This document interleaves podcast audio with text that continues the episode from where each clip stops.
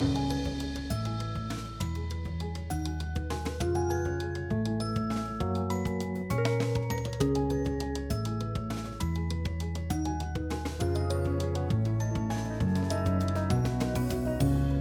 Sommerens eh, vakreste eventyr her på kanalen er kåringen av Norges beste sakprosabøker skrevet etter andre verdenskrig. Dette er et samarbeid mellom eh, Norsk faglitterær forfatter- og oversetterforening og NRK P2.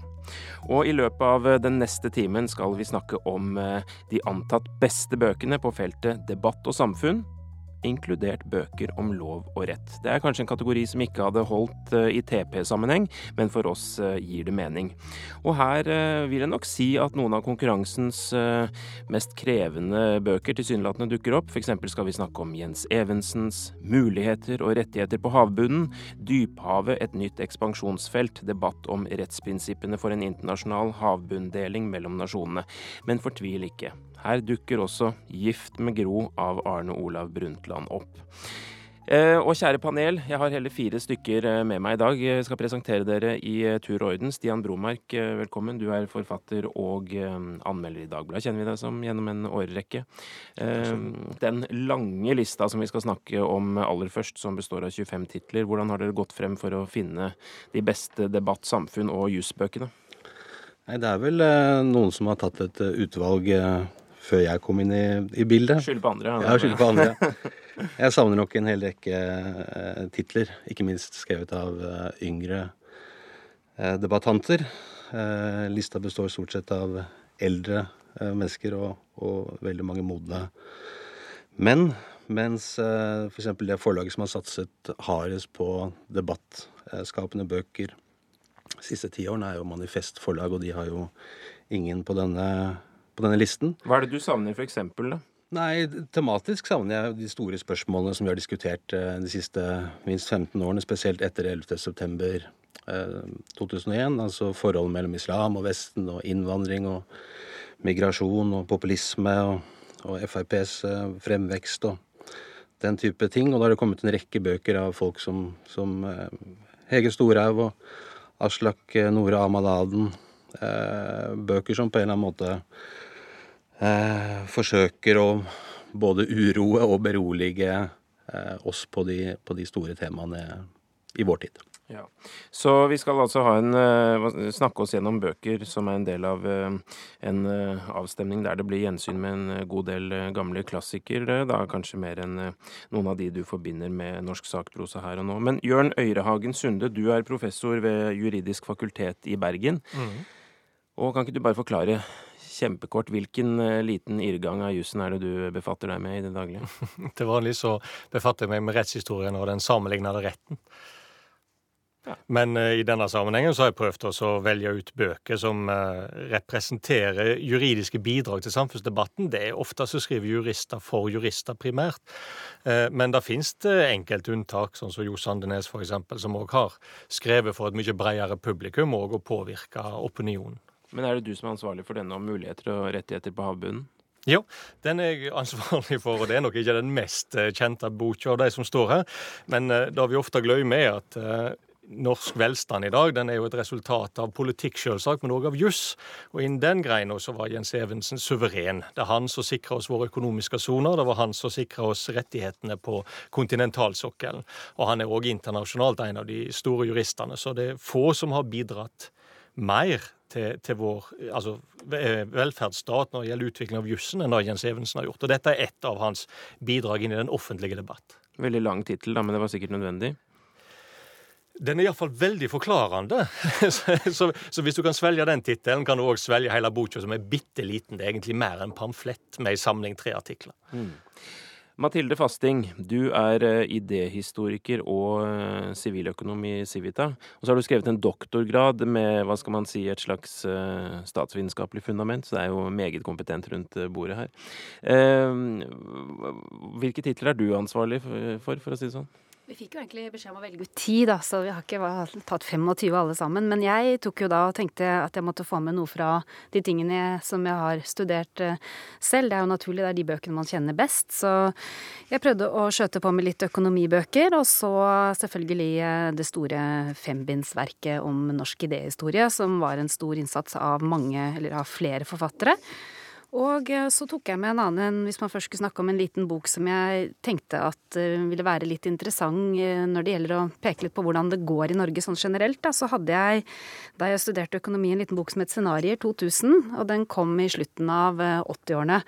Og de forfatterne som var med der, de er for så vidt eh, eldre menn nå, men de var ganske unge og fremadstormende da de skrev dette scenarieprosjektet eh, sitt. Og hadde et stort prosjekt som egentlig endte opp i en ganske lettlest bok om tre muligheter for hvordan Norge ville utvikle seg. Og den typen bøker tror jeg for mange som var, eh, studerte økonomi på 80-tallet, 90-tallet og andre også fagdisipliner. Kanskje fikk et eh, forhold til, for den beskrev trender for hvordan Norge ville utvikle seg. Jeg tror i dag, etter alle disse årene, det er vel nå snart 30 år siden, så peker den på en god del samfunnstrekk som er mulig å finne frem og gjenkjenne. Men også noen ting som de ikke klarte, blant annet som Bromark var inne på her, det med, med innvandring og, og den typen ting. Det var ikke med i scenarioer 2000. Men er det litt uh, få kvinnelige forfattere her? Altså, vi får jo innsikt i hvordan det er å gi, være gift med Gro, for så vidt. Og det er en bok her som heter 'Kvinne, kjenn din kropp', som Uh, jo er uh, en kjent uh, håndbok fra, fra, 1976, da. Men hva vil du for øvrig si om kjønnsrepresentasjonen ja, på lista? Er, den er dårlig, det ser man jo bare ved å kaste et kjapt blikk ned her. Så, så tror jeg det, det, bærer kanskje også litt preg av da jeg skulle se etterpå og finne ut litt mer om disse bøkene. Så så gikk jeg inn og så fant jeg ut at Dagbladet hadde jo en kåring her for en del år tilbake, eller kanskje er nesten ti år siden nå, da. Og det jeg så med en gang, var jo at veldig mange av de bøkene som har endt opp på vår 25-liste, lå jo også der, da. Og den fikk eh, kritikk eh, fra flere hold, og kanskje særlig to ting. Eh, det ene var det rundt, rundt økonomi, som jeg har vært inne på, teknologi og juss. Men det er for så vidt litt mer dekket opp nå. Kanskje ikke teknologi, men, men juss og økonomi er bedre representert på denne listen her. Men også en kritikk fordi den hadde en politisk slagside, som det var. Og det er for så vidt litt sånn at når man ser på hvilke politiske tradisjoner som mest kritiserer, så er det kanskje lettere å finne det noen deler av politikken, og dermed også et preg som man får inn i sakprosaskriften, og som du har vært inne på flere her, er flere pamfletter eller mindre skrifter som også er med på listen her. Og da, da er det ofte et tegn på at man er med i debatten. Men jeg tror det er blitt bedre, fordi vi sitter jo her to stykker fra ulike eh, politiske miljøer, dog ikke partipolitikk, men eh, miljøer som både da Agenda Magasin, som vi hørte her, og Minerva, ikke minst, som har en lang tradisjon helt fra 50-tallet og oppover, og som nå er eh, blitt eh, vitalisert igjen de siste 20 årene. Der er det en god del flere kvinner som skriver, blant annet, og det er bra. Men mm. siden vi ikke har så mye sånn fra de siste 10-15-20 årene på listen her, så er det kanskje ikke så lett å tenke seg at vi har fått likestillingsdebatten sånn direkte inn på lista her. Det var ikke noe krav om å det var ikke noe krav om å ha likestilling eller 50% kvinner på denne listen. Det, det sto det ikke i, i, bestillingen. Nei. Så da sitter du her på denne siden av bordet og representerer mer eller mindre Civita. Og så hadde vi da altså Stian Bromark, som er redaktør for Agenda Magasin. Og Maria Amelie, du sitter også her, og du er ikke ansvarlig for denne lista, så du kan jo bare gyve løs eh, på den uh, som du ønsker. Hva er det du uh, ser med tilfredshet på, hva er det som eventuelt mangler? Det jeg ser her mangler på denne lista, er jo mangfold. Eh, det ene er jo at det ikke er eh, mange nok kvinnelige forfattere, men for meg så um, handler det også om at det er, nest, det er jo ingen som har flerkulturell bakgrunn. Um, og ikke så mange unge mennesker heller, uh, som har skrevet bøker om debatt og samfunn, samfunnstema. Um, så, så, når jeg så, så oversikten, så ja, reagerte rett og slett. Det er jo derfor jeg sitter her, fordi Uh, fordi jeg, jeg sa, fra, sa, fra, om det. Og, og, det er ikke sikkert mange av de bøkene som har blitt skrevet av på en måte, våre nye landsmenn, uh, er utrolig godt skrevet. Jeg vet ikke hva, hva som er kriteriene for, uh, for, her. Så kanskje det kunne vært en egen kategori, eller kanskje man kunne inkludert flere bøker som handler om om ja, innvandring, det å være flyktning, det ja, det er flere bøker som handler om arbeidsinnvandring eller norsk språk. og ja, mange flere tema.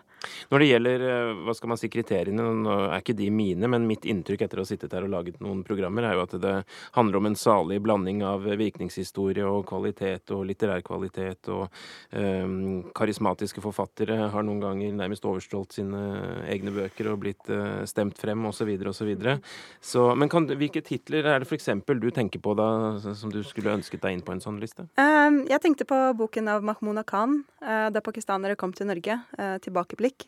Det handler jo, det, Den dekker jo en viktig stykke norsk historie som handler om uh, ja, da pakistanere kom til Norge på 70-tallet, og hvordan det, de bidro i det norske samfunnet. Um, for eksempel. ellers så fins det flere bøker som handler om Um, Amal Aden, som Stian Bromark har nettopp nevnt her, som har hatt en kjempe uh, Skrevet flere bøker som handler om uh, likestilling, og, og, fortalt om historier innenfra det somaliske samfunnet, og um, har opplevd ganske tøffe forhold uh, etter å ha stått fram med, med, med sin ting, som har bidratt med ja, med innblikk som vi ellers ikke får, da, i, i norsk medie. Og flere bøker Altså bare de som jeg kom på der og da, så tenkte jeg også på Edin eh, Skal vi se om jeg klarer å uttale navnet riktig. Edin Kadrebjegovic, som har skrevet eh, 'Jeg var et barn, det var krig', eh, om sin hvordan han flyktet fra Bosnia-Hercegovina, krigen der, og vokste opp i Norge, samtidig som det var krig i, i, i, på Balkan, i det området der. Hvordan det var å både være flyktning i Norge og følge med på, på denne krigen på avstanden. Så den boken er jo kjempeaktuell i dag, når vi har flere flyktninger som kommer til Norge. Uh, og mange av dem bor f.eks. i Norge, men de følger fortsatt med på nyhetene fra Syria. Så den, den kunne på en måte mm, Ja, så den, den, type bøker har jeg skulle gjerne hatt med har hatt med, i hvert fall opp til diskusjon, da, uh, om de kunne vært med i en sånn liste. Mm. Ja, for Hvis man ser fort på denne langlisten her, så ja, Mathilde? Jeg kunne kanskje bare tilføye at noe av grunnen er muligens at uh, dette her som, som, du tar opp både rundt uh, Kanskje ikke akkurat kvinnelig representasjon på listen, men, uh, men, dette med innvandring og alle disse vanskelige spørsmålene som disse bøkene representerer, som du nevnte nå, de er kanskje for nær tett på oss til at vi klarer å, å, å vurdere dem som, som, en del av en sånn sakprosakanon når vi har etterkrigen som perspektiv, da, og at vi kanskje skal ikke lage noen unnskyldning for det, men bare si at eh, hadde vi gjort dette om ti år, så burde vi i hvert fall passe på at de viktigste av de bøkene som blir stående igjen, kommer med på en sånn liste. Og det at vi diskuterer det i dag, er jo også et tegn på at eh, vi kan bidra til å, å gjøre denne listen mer mangfoldig. Da bare går vi videre her med det litt i mente, at det muligens er en liten eh, forsinkelse eh, inne i bildet. Vi kan i hvert fall ta til etterretning at eh, de nyeste titlene skriver seg fra 2003, 2005, 2002 er også et årstall som jeg har sett et par steder her. Så er det noen andre som har lyst til å, å, prøve å dra frem et eller annet ved denne listen som gir oss slags, et slags innblikk i, i, i spennet, eller hva slags materie serie vi har med å, å gjøre. Jeg kan tenke meg også å dra fram en bok som er enda nyere enn de du nevnte, nemlig fra 2015. Jeg er helt enig i at eh, når en valgte ut denne lista, så var et kriterium at du hadde bevist din virkning, og da trenger du en viss distanse. Men ei bok som er veldig ny, eh, men som jeg syns er interessant fordi hun er høyaktuell, er 'Dommernes krig' av Hans Petter Graver.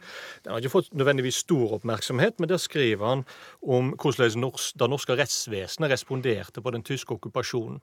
Og det er en trend over hele Europa til endelig å studere den delen av vår historie. Og det er høyaktuelt nettopp fordi du har flere regimer i eh, i Europa i dag, Ungarn, Polen, eh, Slovakia, Russland osv., så, videre, så tar en autoritær vending, og der nettopp rettighetsspørsmål må forsvares av domstolene. og Hvordan forholder domstoler seg til styresett som forlater demokrati og blir autoritære. Så den er ei bok som egentlig ikke har bevist sin virkningshistorie, det skal jeg ærlig innrømme, men det var veldig fristende å ha den med på lista og dra den fram nå, nettopp fordi den er så aktuell i vår samtid. Ja, Stian Bromark, er det, Fins det noen titler her som du har blitt eh, flasket opp med på noen måte? Ja, noen av de befinner seg vel på den topp eh, fem-lista som vi skal komme til eh, senere. Men jeg kan jo nevne en som nesten nådde opp.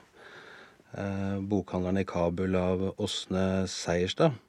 Jeg vet ikke om det Eller var vel ikke tenkt som en, en debattbok, men den førte jo til en voldsom debatt som pågikk i, i mange år, og som til slutt også havna i, i rettsvesenet, der bokhandleren altså dukket ut av fortellingen og kom til, til Norge og, og, mente at han hadde blitt eh, referert eh, feil. Og Åsne Seierstad har en veldig særegen metodikk. Altså når hun går frem for å samle inn stoffet sitt før hun begynner å skrive det, eh, som også er ganske særegent. Hun har en veldig litterær, eh, fortellende stil. Ikke, ikke sånn hardtslående, polemisk debattskapende. Så hvordan hun har gått Hvordan hun har så å si introdusert en, en ny måte å skrive bøker på på norsk, der du i veldig stor grad går inn i hodet på de ulike faktiske personene. Det er jo ikke fiksjon, men det fremstår litt som fiksjon eh, likevel. Og det fortelles som om det var en, en roman. Eh, tror jeg har åpnet opp et, et rom for faglitterære forfattere som, som, ikke var der i så stor grad tidligere. Og hun har vist at, hun, at det er mulig, samtidig som hun jo har også pekt på fallgruvene fordi eh, man må sikre seg at de som blir omtalt, også kan kjenne seg igjen i, i hvordan de blir omtalt, spesielt når man, når man forteller eh, hvordan folk har tenkt. Hun har gjort det i flere senere utgivelser også. Så det er ikke historie om metodisk eh, feilgrep, men om en utvidelse av mulighetene i sakprosafeltet, mener du? Ja. Jeg, eh, jeg, mener at det alt i alt er, eh, er berikelse for, for norsk sakprosa og et forbilde i mange henseende. Og jeg ser at Åsne Seierstads bøker figurerer på mange på mange, av mange av disse listene, og mange ulike, ulike titler. Mm. Men det var jo den som kom først, og som på en måte da eh, satte, satte denne sjangeren, om du vil, under debatt. Mer enn innholdet. Det var ikke noe kontroverser knytta til hva hun skrev om Afghanistan-krigen, f.eks. Hvem rundt bordet her er det som er ansvarlig for eh, å, å få inn Arne Olav Brundtland sin bok 'Gift med Gro', da? Nei. Ingen av oss. Ingen av dere, nei. Jeg veit ikke. Den har uh, dukket opp på mystisk vis, åpenbart. Mystisk, ja. Vi kan avsløre at den ikke har fått den helt store oppslutningen her. Men det er jo Viktor Nordmann sin bok 'En liten åpen økonomi', har vi her, 'Rettsvesen og rettsvitenskap i USA' av Torstein Eckhoff. Eh, Ragnar Frisk sin innledning til produksjonsteorien osv. osv. Jeg tror vi nå skal bevege oss over på uh, topp eh, fem-lista.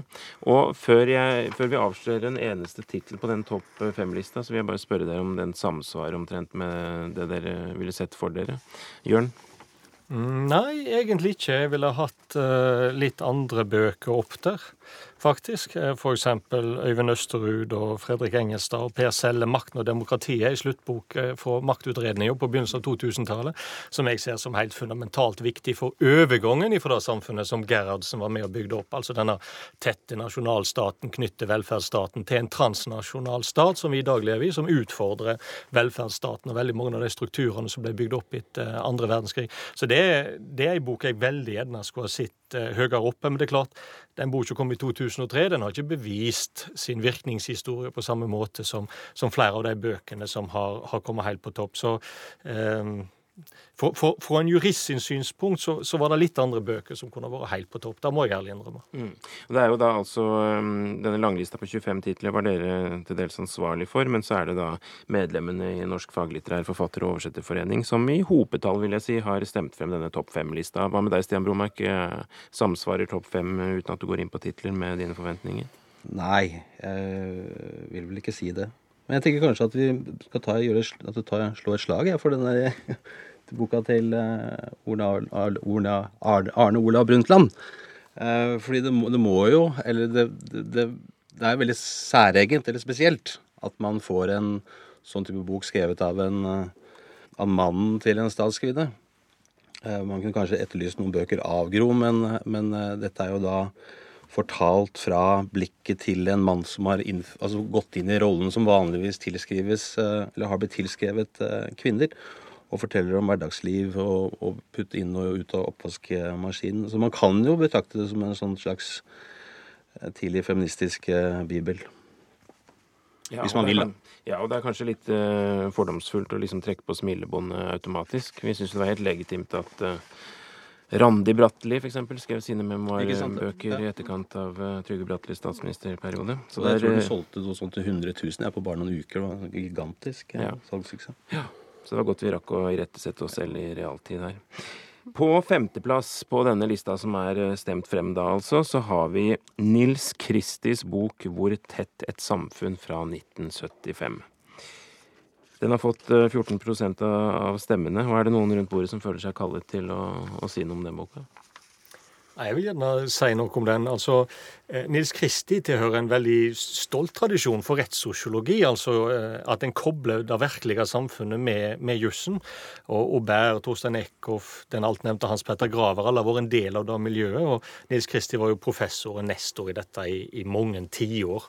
Eh, og denne boka er jo morsom, for den er kort. Den er ekstremt poengtert. Lite nyansert og diskuterende. Det er et veldig sånn klart debattinnlegg og et oppgjør med en kriminalitetspolitikk.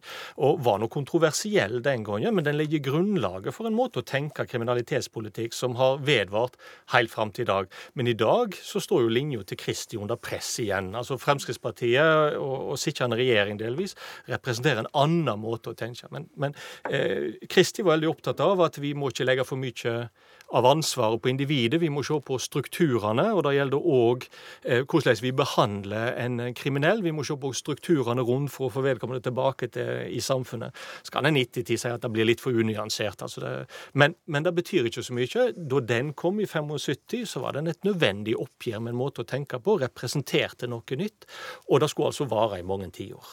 Og han eh, har altså puttet et spørsmålstegn inn i tittelen her, og det må vel være et slags bevisst forsøk på å dra leseren eh, ganske aktivt eh, inn i problemstillingen. Er det noen av dere som har noe bilde av hva vi blir tvunget til å reflektere over når vi leser denne boka av Nils Kristi? Mathilde? Altså, jeg skal ikke påberope meg å ha lest uh, boken fra perm til perm, men jeg får noen uh, assosiasjoner når det gjelder eh, kriminologi generelt, og også eh, noe som står på listen her eh, som vi ikke snakket om, nemlig Espen Skonnings bok eh, 'Den onde vilje', og kriminalfilosofisk eh, pamflett. Og Espen Skonning er jo idéhistoriker, og jeg hadde mange forelesninger med Espen Skonning. Han var veldig opptatt av av botsfengselet, f.eks. Skrev den historien om hvordan, eh, hvordan, arkitekturen på botsfengselet her nede i Oslo, hvordan den påvirket uh, synet vi har på straff. Da. Og, og, og, der kan man jo stå i midten, egentlig, i den gamle bygningen, og så kan man se ut i alle korridorer og alle celler på en gang, så du føler deg overvåket. Som var hans da, kritikk av det. Og han skrev vel etter dette er 75, så i 1984 så dør jo en annen som også påvirket Skånning mye. og som snakket om, eh, om eh, mange av denne typen ting som Christie også er opptatt av, nemlig Michel Foucault, som eh, hadde galskapens historie og mange sånne ting. Så det er jo kanskje sånn at Christie er en del av en sånn tradisjon hvor man begynte å kritisere en del gamle syn på straff, eller eldre syn på straff. Og Skonning tok det opp igjen og hadde straffens idéhistorie, og han hadde ondskapens idéhistorie og mange sånne ting. Så, så jeg tror nok at, at det at man da, som ble påpekt her, ser en bølge over i en annen måte å se, se straff på og årsak til, til kriminelle handlinger. Da. Det er naturlig i et samfunn, at det er under utvikling, og at det blir kritisert hvis det går for mye den ene veien, eller at det kommer andre elementer inn. Um, alle er vel enige om at det er problematisk å sette, sperre folk inne, og man må ha begrunnelse for det. Og du som er jurist over bordet her, du kjenner sikkert enda bedre til flere bøker rundt Kristi som kan sette han inn i en, en større sammenheng. Altså Det som det som er òg med Kristi, det er jo at han på den ene sida jo ser for seg nærmest et sånn idealsamfunn med tette relasjoner, som det som skal løse deler av kriminalitetspolitikken. Men samtidig så er det interessant at Og, det er det personlige, det nære. sant? Du setter individet og den kriminelle i sentrum osv. Men han er veldig sånn instrumentalistisk. altså Han tror virkelig at du kan designe et samfunn for å bli kvitt eh, kriminalitet, eller iallfall redusere sterkt kriminalitet. Så det er en veldig sånn interessant tradisjon som kombinerer individfokus og instrumentalisme på ei og samme tid.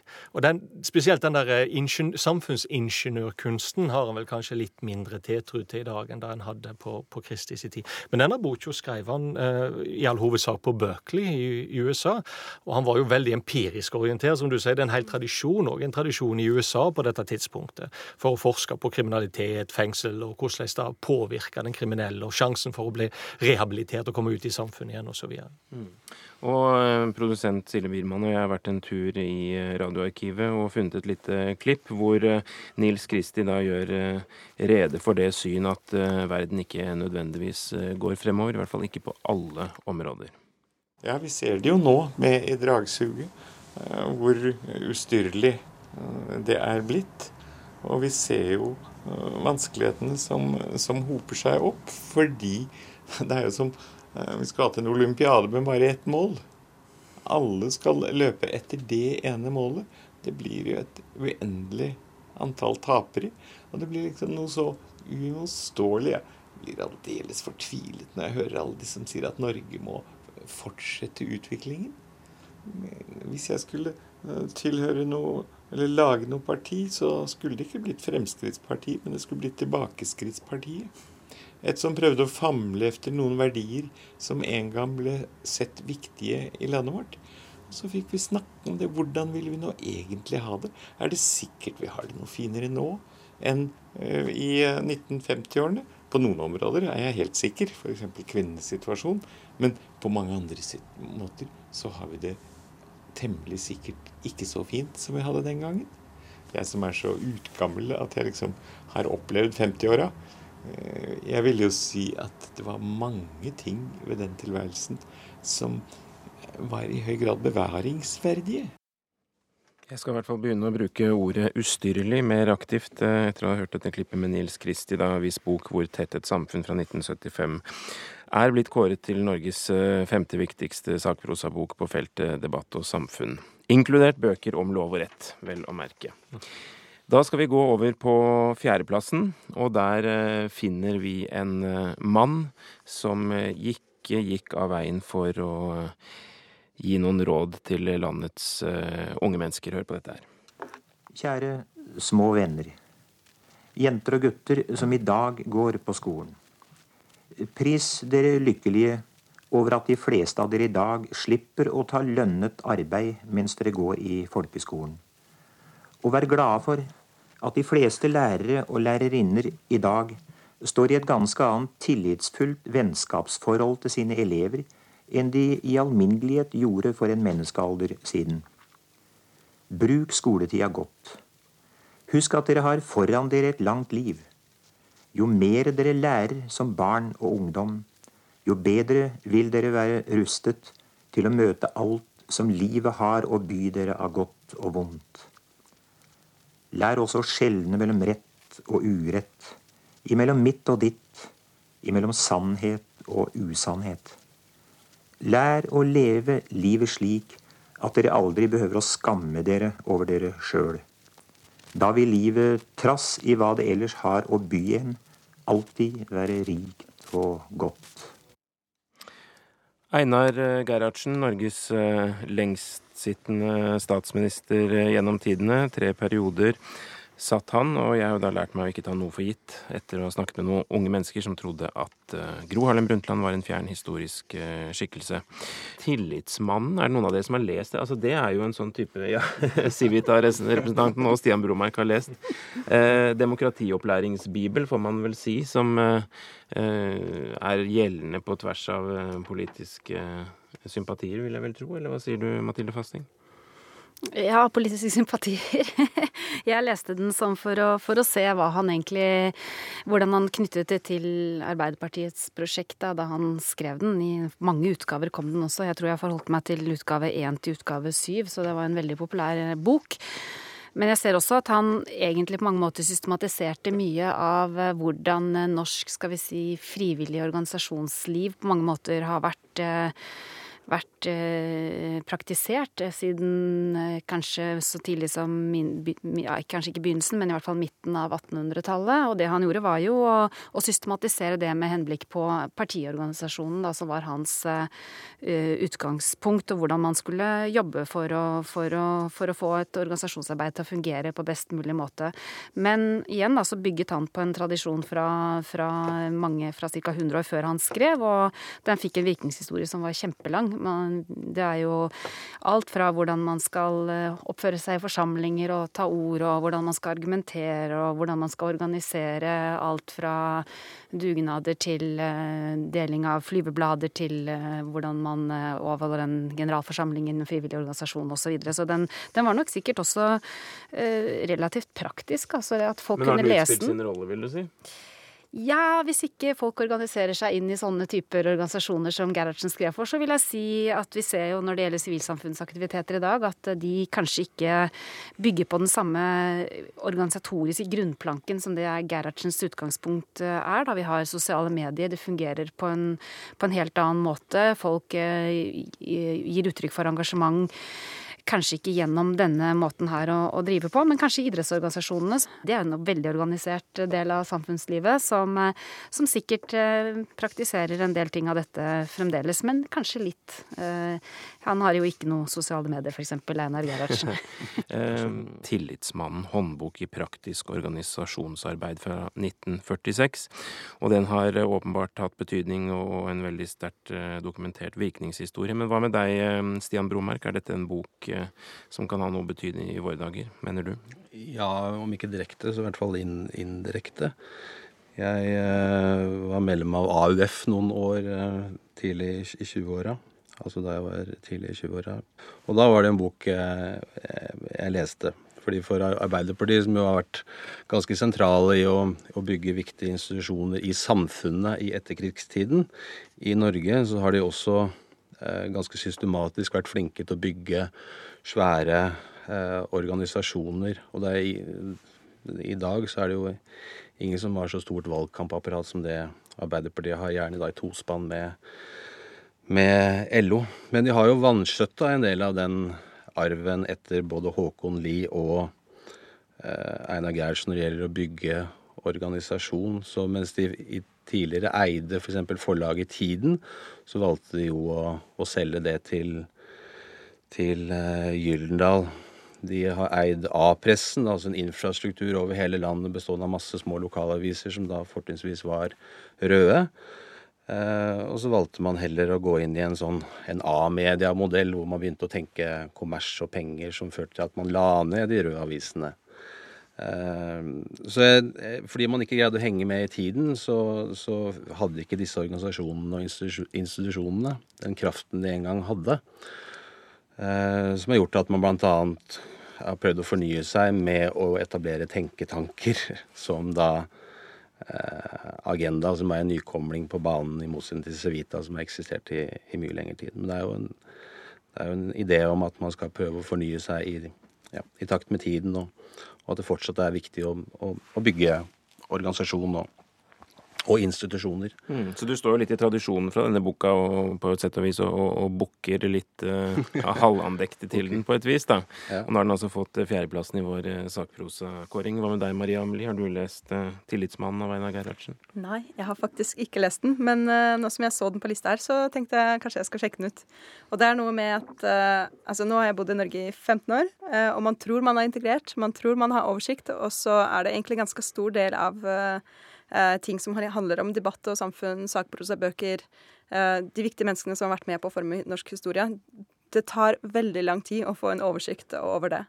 Eh, og på en måte forstå også hva er de, de riktige bøkene å lese, sånn at man, hvilke bøker er som er bra. Eh, så det, det, er det som er egentlig bra med sånn type lister, eh, er at da får man raskt hjelp til å, til å, bli kjent med Norge på en helt annen måte enn bare gjennom eh, nyhetene og og ja, de vanlige bøkene man ser i bokhandelen i dag. Mm. Så jeg må nok eh, lese den. Vi er litt sånn inne i avdeling for hva skal man si, eh, grunnleggende dannelsesprosjekter eh, her. Vi har også snakket om Einar Gerhardsens 'Tillitsmannen', og nå skal vi også over på en bok. Eh, med den eh, fascinerende tittelen 'En del elementære logiske emner' av Arne Næss. Den er altså på tredjeplass. Det er en bok fra 1947. Og hva er det Arne Næss eh, prøver å utrette med oss lesere med denne boka, Jørn? Han prøver rett og slett å gi oss muligheten til å diskutere på tvers av alle mulige skillelinjer. Vi skal helt ned på debattens grunnfjell. Hvordan tolker vi andre sin utsegn? Hvordan definerer vi de begrepene vi bruker? Hvordan slutter vi for disse? Og hvordan kan vi slik oppnå enighet? Egentlig jeg er veldig glad i den boka. Jeg, jeg, hadde den jo på X-Fac, jeg, som veldig mange andre. og det var litt sorg når, så Jeg opplevde litt sorg når den rett og slett ble tatt av X-Fac ved mitt universitet i Bergen. Fordi det er noe sånn utrolig idealistisk ved den boka. På en måte så er det umulig. men samtidig, hvis vi ser på verden i dag, så er jo dette litt av grunnproblemet. Da, at vi snakker forbi hverandre. Da, at vi ikke ønsker faktisk å forstå. Og Denne boka er jo et uttrykk for at det, det går an å forstå andre og bli enige hvis en bare ønsker det inderlig nok og bruker de rette instrumentene. Ren idealisme, men for en vidunderlig idealisme. Mm. Så han dverer liksom ikke ved språkets og kommunikasjonens tilkortkomst, men, men vektlegger hva som er mulig og muligheten til å nå frem til hverandre? Ja, dette er vel kanskje det mest antipostmoderne en kan tenke seg. Mm. Her hopper en bukk over hele den språklige vendinga. En hopper ikke bukk over det, det er ikke sant, for det er ikke det at han ikke er obs på det, men han tror at uh, med nok ettertanke og nok forsøk, så kan du komme rundt de problemene. Er det noen som husker noen konkrete tips fra denne boka, eller hva man skal kalle det? Jeg har lista her, sånn, hvis du vil høre noen av Han har som, den, som kalles for saklighetslære.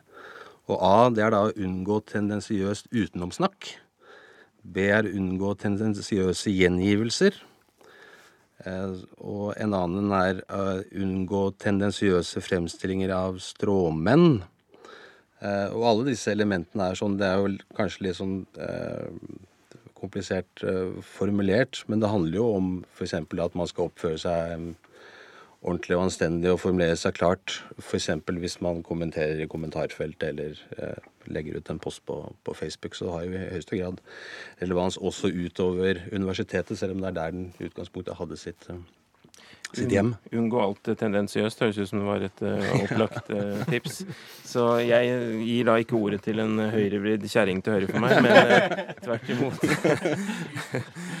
Deg da, Mathilde Fasting, hva vil du si om denne boka? Altså, jeg har, måtte, fikk jo ikke ta eh, X-FIL da, da, jeg hadde det første studiet mitt som var økonomi. Der lærte man ikke X-FIL, det burde man kanskje ha gjort. Eh, så da jeg gikk løs på idéhistorie, så måtte jeg ta X-FIL. Men da var Arne Næss ute av eh, pensum, selvfølgelig. Og så var det en annen eh, debattant her som eh, jeg fant, fant, ut at eh, han ble fryktelig sint da han skulle så at Arne Næss sitt livsprosjekt, som han kalte denne boken, var borte fra fra X-Fil, som er dannelsens høyborg. Alle skal gjennom X-Fil og X-Fakta. Det het vel egentlig rett og slett forberedende før, mm. som en sånn samlebetegnelse. Da var logikken inne også, så vidt jeg husker fra gammelt av. Men det er Bent Hagtvedt. Bernt Hagtvedt, han, uh, han uh, er så sint at han skriver en kjempekronikk her i avisene for en, da Arne Næss var 95 år hvor han påpeker nettopp det at det er en skandale at dette er ute, fordi folk blir ikke dannet lenger når ikke de skjønner hvordan de skal diskutere sammen og, og med hverandre og kunne forstå hverandre. Og så satte han også Arne Næss inn i en større sånn eh, dannelseskanon som, som da Hagtvedt var, eller er, opptatt av. Og han selv forsøkte seg jo med frokoster med Bernt f.eks. på universitetet. Veldig populært. Tok mange forskjellige debatter der, og de auditoriene var stappfulle av folk. Så vi kan kanskje rekke en hånd ut til eh, Bernt Haktvedt, som har vært opptatt av en del ting som ikke står på listen her, eller som ikke har diskutert, men som du var litt inne på rundt eh, autoritære tendenser og sånne ting, som har vært et hjertebarn for, for ham i mange år, og også andre andre forskere ved universitetet, som kanskje er en liten mangel ved listen her. Men, men jeg tror eh, Arne, Arne Næss er eh, Du spurte i sted om vi var overrasket over hvem som sto på hvilke forfattere som var blant de Denne er jeg ikke overrasket over. Denne syns jeg var fin at sto der. Mm. Ifølge ja. Bernt Hagtvedt i den samme kronikken så hevder han at dette er den viktigste sakprosautgivelsen i Norge etter krigen. Mm.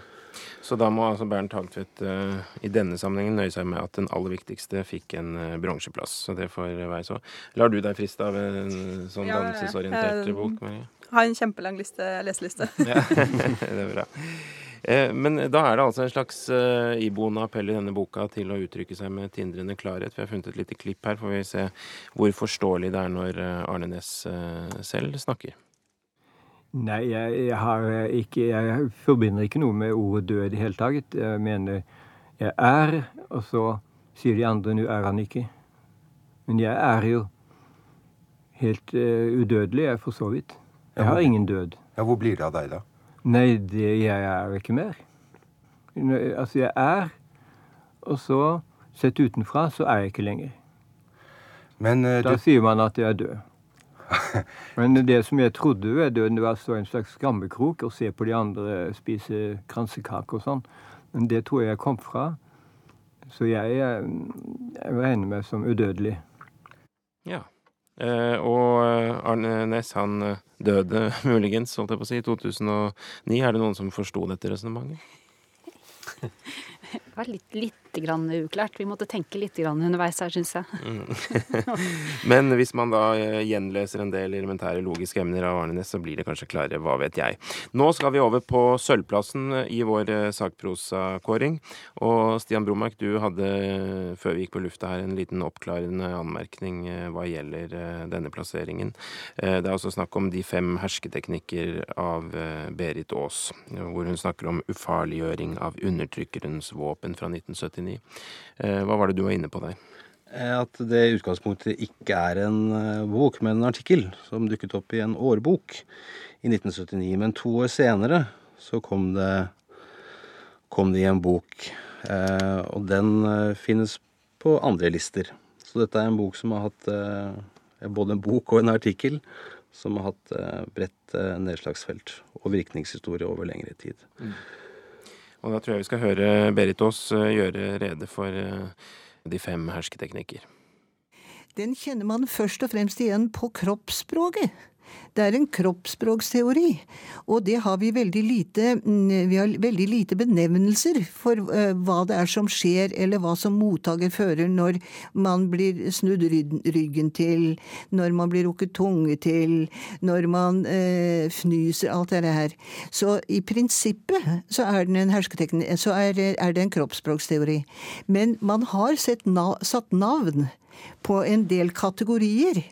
Sånn at dette med usynliggjøring, det skjer jo nettopp da hvis du eh, lukker øynene. eh, og latterliggjøring, det er massevis av måter å gjøre det på. Og likedan tilbakeholdelse av informasjon, det er kanskje den viktigste av de vi har i mediene. Og så har vi da dette amerikanske uttrykket som heter 'damn if you do and damn if you don't'. Det er en sosiolog som heter Robert Merton som egentlig hadde det. Og det er påføring av skyld og skam. Ja, og hersketeknikker må jo ha vært i, i bruk fra tidenes eh, morgen, skulle man tro. Hvor originalt eh, er det når eh, Berit Aas eh, beskriver eh, disse hersketeknikkene, vil du si, eh, Jørn Øyrehagen Sunde?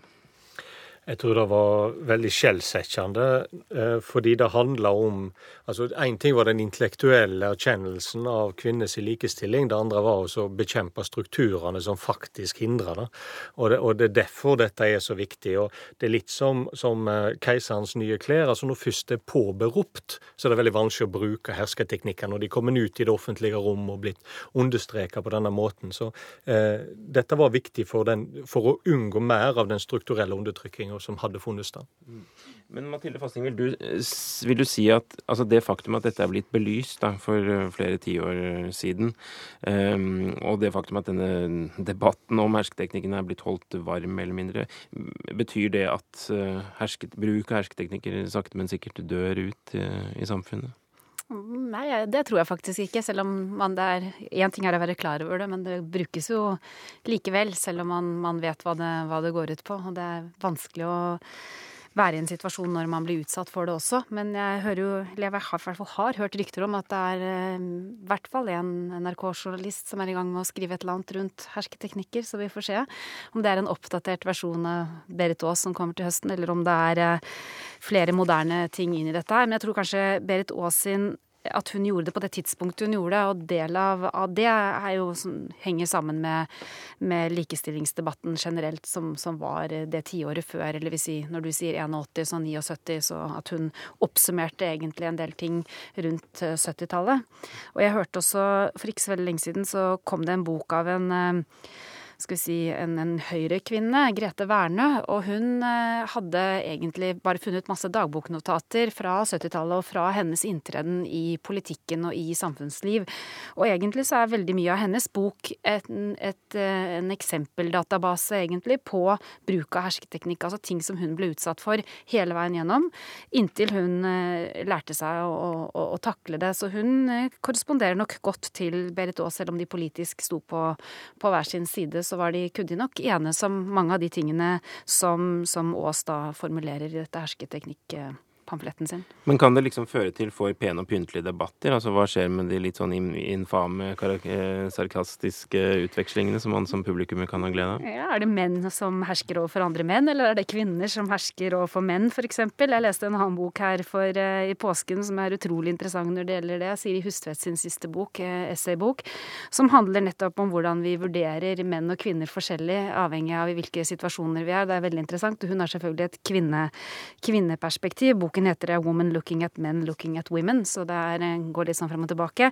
Men, eh, men eh, selvfølgelig, hersketeknikk er bra radio og TV, det, hvis det er morsomt. Men det er ikke så gøy å bli utsatt for det. Nei. Men altså, dette handler jo da rett og slett om hva skal man si, skitne triks tatt i bruk for å undergrave andres argumenter. Og Maria Amelie, har du noen teorier om hvorfor så mange har stemt denne frem som, til en sølvplassering? Um, jeg det var en av de første, bøkene jeg fikk faktisk i Norge. jeg vet ikke hvorfor jeg fikk det. Men uh, det var noen som mente jeg uh, burde lese den, så jeg syns den er kjempebra. Og, var, uh, og jeg kommer tilbake til den gjennom, gjennom, livet flere ganger. Og jeg tenker den er jo kjempeaktuell i dag. Altså Nå har jeg nettopp blitt ferdig med blitt skrevet om entreprenørskap, og da har jeg intervjua mange kvinner som er topp gründere og har skapt store bedrifter. Og de forteller jo tingene de har opplevd, og alt kan kvalifiseres under de hersketeknikkene fra, fra menns side. Fordi det er så utrolig krevende å bygge opp uh, en bedrift. Så jeg tenker den boka kommer til å være udødelig, den. Nå, eh, Tiden går, og vi skal rett og slett nå kunngjøre som det heter, hvilken eh, bok som topper vår eh, sakprosakåring i kategorien debatt og samfunn, inkludert bøker om lov og rett. Og eh, dette er altså et samarbeidsprosjekt mellom NRK P2 og NFF.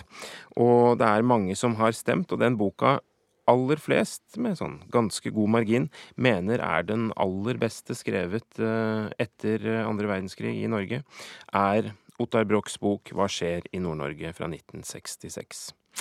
Hva kan vi si om denne boka? Hva er det som gjør at uh, den den dag i dag appellerer til såpass mange? Jørn, har du noen tanker om det? Jeg ble faktisk litt overrasket over at den skulle komme aller høgst, må jeg ærlig innrømme. Så jeg måtte sette meg ned og, så, og så lese gjennom den, for den boka hadde jeg ikke lest.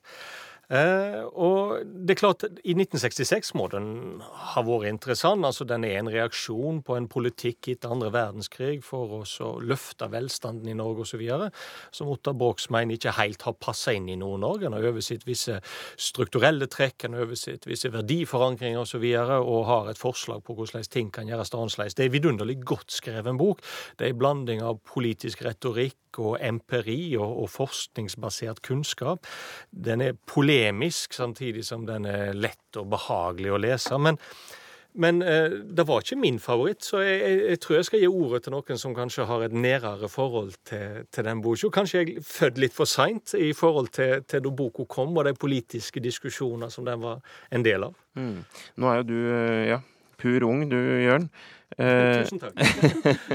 Stian Bromark, du er, jeg vet ikke, muligens enda yngre. Det er farefullt territorium, dette her. Men du, eh, har du på noen måte etablert noe forhold til denne boka? Hva skjer i Nei, men jeg, jeg, jeg kjenner jo godt den tradisjonen den kommer fra. Og dette var jo en bok som både traff tidsånden og som bidro til å prege den. Så, så veldig mye av det du finner i sånn SF, SV-tankegods og mye av det radikale bølgen på 1970-tallet, er, er, jo denne boka et, eh, et sterkt bidrag til.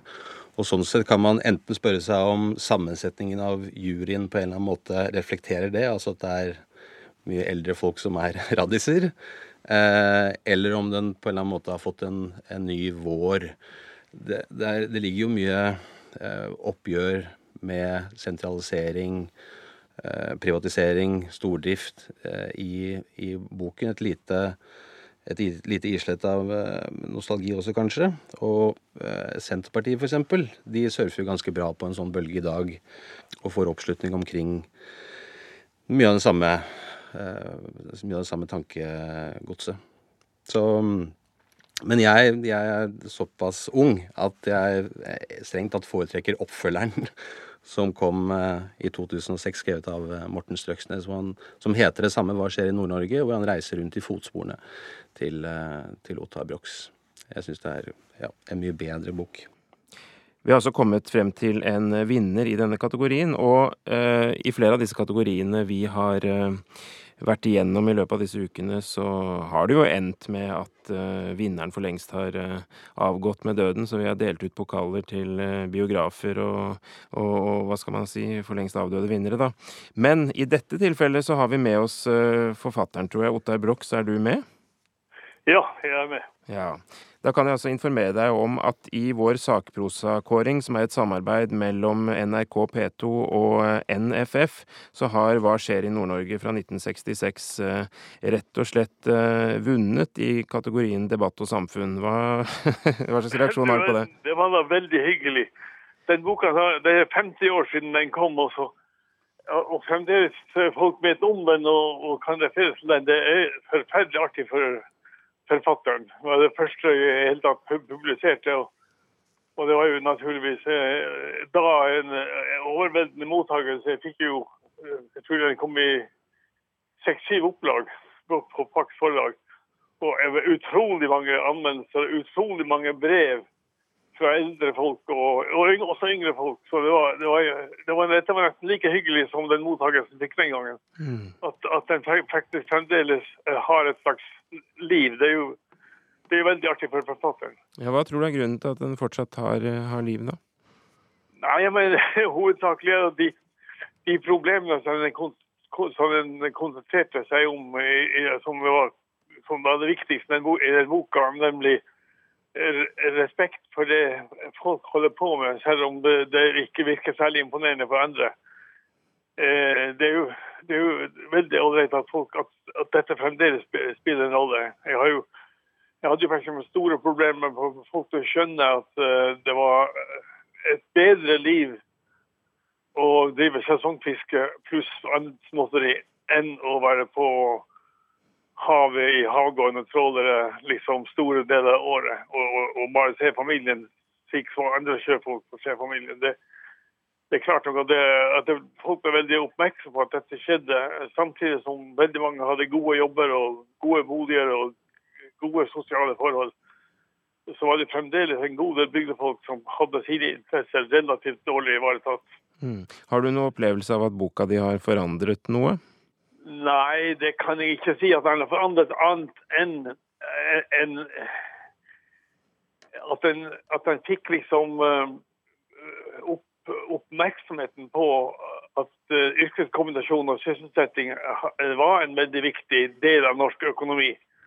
Jeg har da senere, så sent som i fjor, kommet med en ny bok hvor, hvor jeg tror det går an å tilskrive den sterke veksten i, i, i småbruksetablering fram til midt i midt i, forrige århundre, altså omkring 1950, at det har betydd veldig mye for at vi har hatt full sysselsetting også i den tida hvor, hvor altså, kan vi si, industrien vokste. Så vokste samtidig tallet på, uh, på småbruk.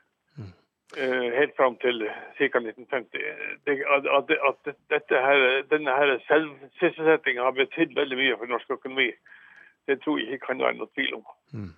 I 1966 var du en eh, relativt uh, ung mann som uh, antageligvis ikke uh, hadde etablert noe tro på at du liksom skulle skrive sakprosa-klassikere som skulle leve en 50-60 år frem i tid. Men hva var det som var utgangspunktet ditt for å skrive 'Hva skjer i Nord-Norge'? Nei, det er klart det var jo for så vidt oppvekst i ei sånn veldig karakteristisk bygd med yrkeskombinasjon, hvor folk på en måte Eh, ser så ut til at de foretrakk eh, la oss si, en inntekt på 6000-7000 kroner i året eh, pluss la oss si, selvproduksjon og sånne ting, naturalhusholdning. At det var veldig veldig mange som Jeg hadde problemer med å finne folk som forlot disse 7000 kroners inntektene sine i hjembygda for å konkurrere om da, 25 28 000 kroners inntekter i, i, i byen. Det, det, det, ble veldig interessant å se at, at, folk vurderte dette så helt annerledes enn de som da laget uh, budsjetter og, og, og, og liksom uttalte seg med stor uh, faglig sikkerhet om økonomi og, og, sånne ting. Det var uh, veldig artig å oppleve at, at, at svært mange folk som brydde seg om denne bygdeøkonomien, responderte. Jeg har jo en utrolig mengde brev jeg fikk fra folk i, i bygdene i den tida. Mm. Og dessuten også så, så, var det jo faktisk veldig mange anmeldelser. Jeg tror jeg har 80, klippet ut 80 eh, bokanmeldelser bare på denne lille boka. Ja, altså, for er, I toppen her så er det ikke så veldig tjukke verk. og Jeg må jo bare ønske, ønske deg hjertelig til lykke med seieren, og si at du da har eh, slått f.eks. Arne Næss, Einar Gerhardsen og Nils Kristi eh, i, om ikke ned i støvlene, så har du i hvert fall slått dem alle som en. Så gratulerer med det, med det og eh, håper, ønsker jeg deg en fortsatt fin dag. Ja, takk skal du ha. Det var veldig hyggelig beskjed å få. Ha det godt. Hei. Ja, Det var altså Nils Kristi, Einar Gerhardsen, Arne Næss, Berit Aas og Ottar Broch som eh, topper eh, sakprosakåringen i eh, kategorien debatt og samfunn. Og jeg vil si hjertelig tusen takk til panelet rundt bordet her. Stian Bromark, Mathilde Fasting, Jørn Øyrehagen Sunde og Maria Amelie. Denne sakprosakåringen fortsetter neste uke. Vi høres da.